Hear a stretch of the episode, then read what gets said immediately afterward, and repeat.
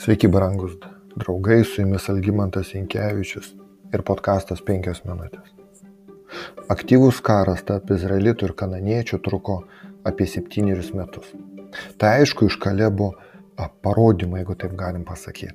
Skirstant žemę, jis papasako, kad kai Mozė į Kananą išsiuntė žvalgus, tarp kurių ir buvo jis, jam tada buvo 40 metų. Ir, kada, ir kad nuo to laiko praėjo 45 metai. Ir kaip žinome iš pakartoto įstatymo antros skyriaus 14 eilutės, Izraelio žmonės 38 metus buvo dykumoje po žvalgų pranešimų. Taigi nesudėtingi matematiniai skaičiavimai mums a, suteikė 7 metus. Tačiau Kananas per šį laiką nebuvo visiškai užkariautas. Jozujos 13 skyriuje parašyta, Jozuė paseno ir sulaukė senyvo amžiaus. Viešpats tarė jam, pasena ir sulaukiau senyvo amžiaus, bet dar yra likę labai daug žemės, kuri turi būti paveldėta. Nepaisant to viešpats įsakė Jozui padalyti žemę Izraelio giminėms, nors didelį jos dalį vis dar reikėjo užkariauti.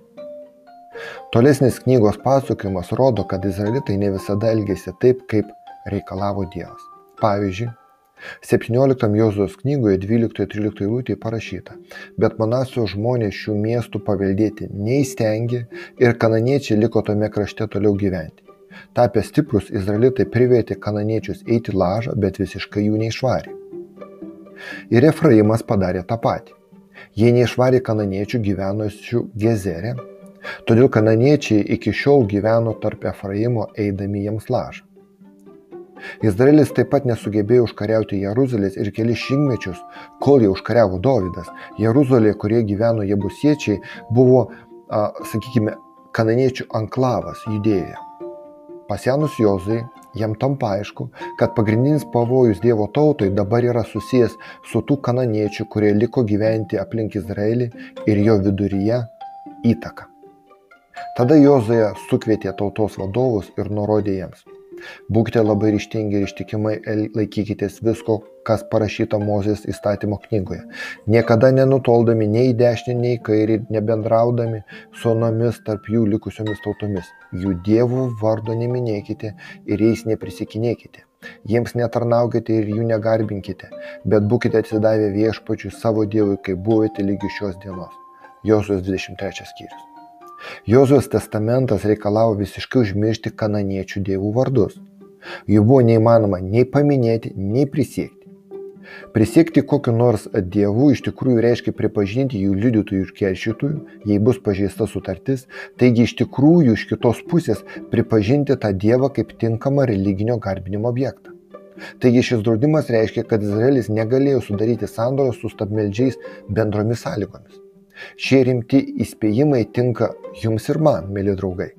Nors Paulius sako, 1 Korintiečiams 8 skyrius, taigi dėl stabaus paukotos mėsos valgymo mes žinome, jog iš tikro nėra pasaulyje stabų ir nėra jokių dievų, tik vienas dievas, jis taip pat ragina Efeziečiams 4 skyriui ir nepalikite vietos velniui.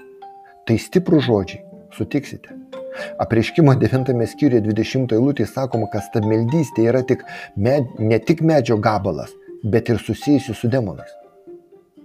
Nors izraelitai gyveno tarp šių tautų, visgi jie neturėjo su jais turėti jokių santykių.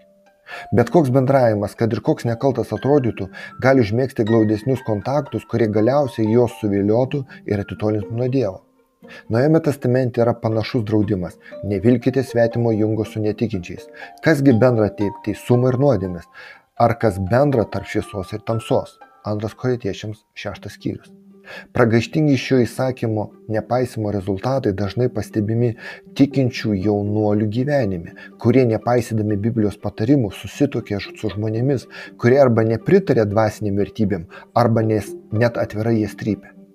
Greitai jie supras, kad jų namai retai gali tapti harmonijos karalystė ir daugelis jų netrukus pajaus vis didesnį nusiteikimą prieš religiją, tikėjimą, kuris anksčiau ir vėliau paskatins juos visiškai atsiskirti nuo Dievo. Juk pranašas Amosas trečiame skyriuje sako, argi du žmonės gali eiti kartu be sutarimų? Pagalvokime kartu. Su jumis buvo penkios minutės ir Algimantas Minkiewicz.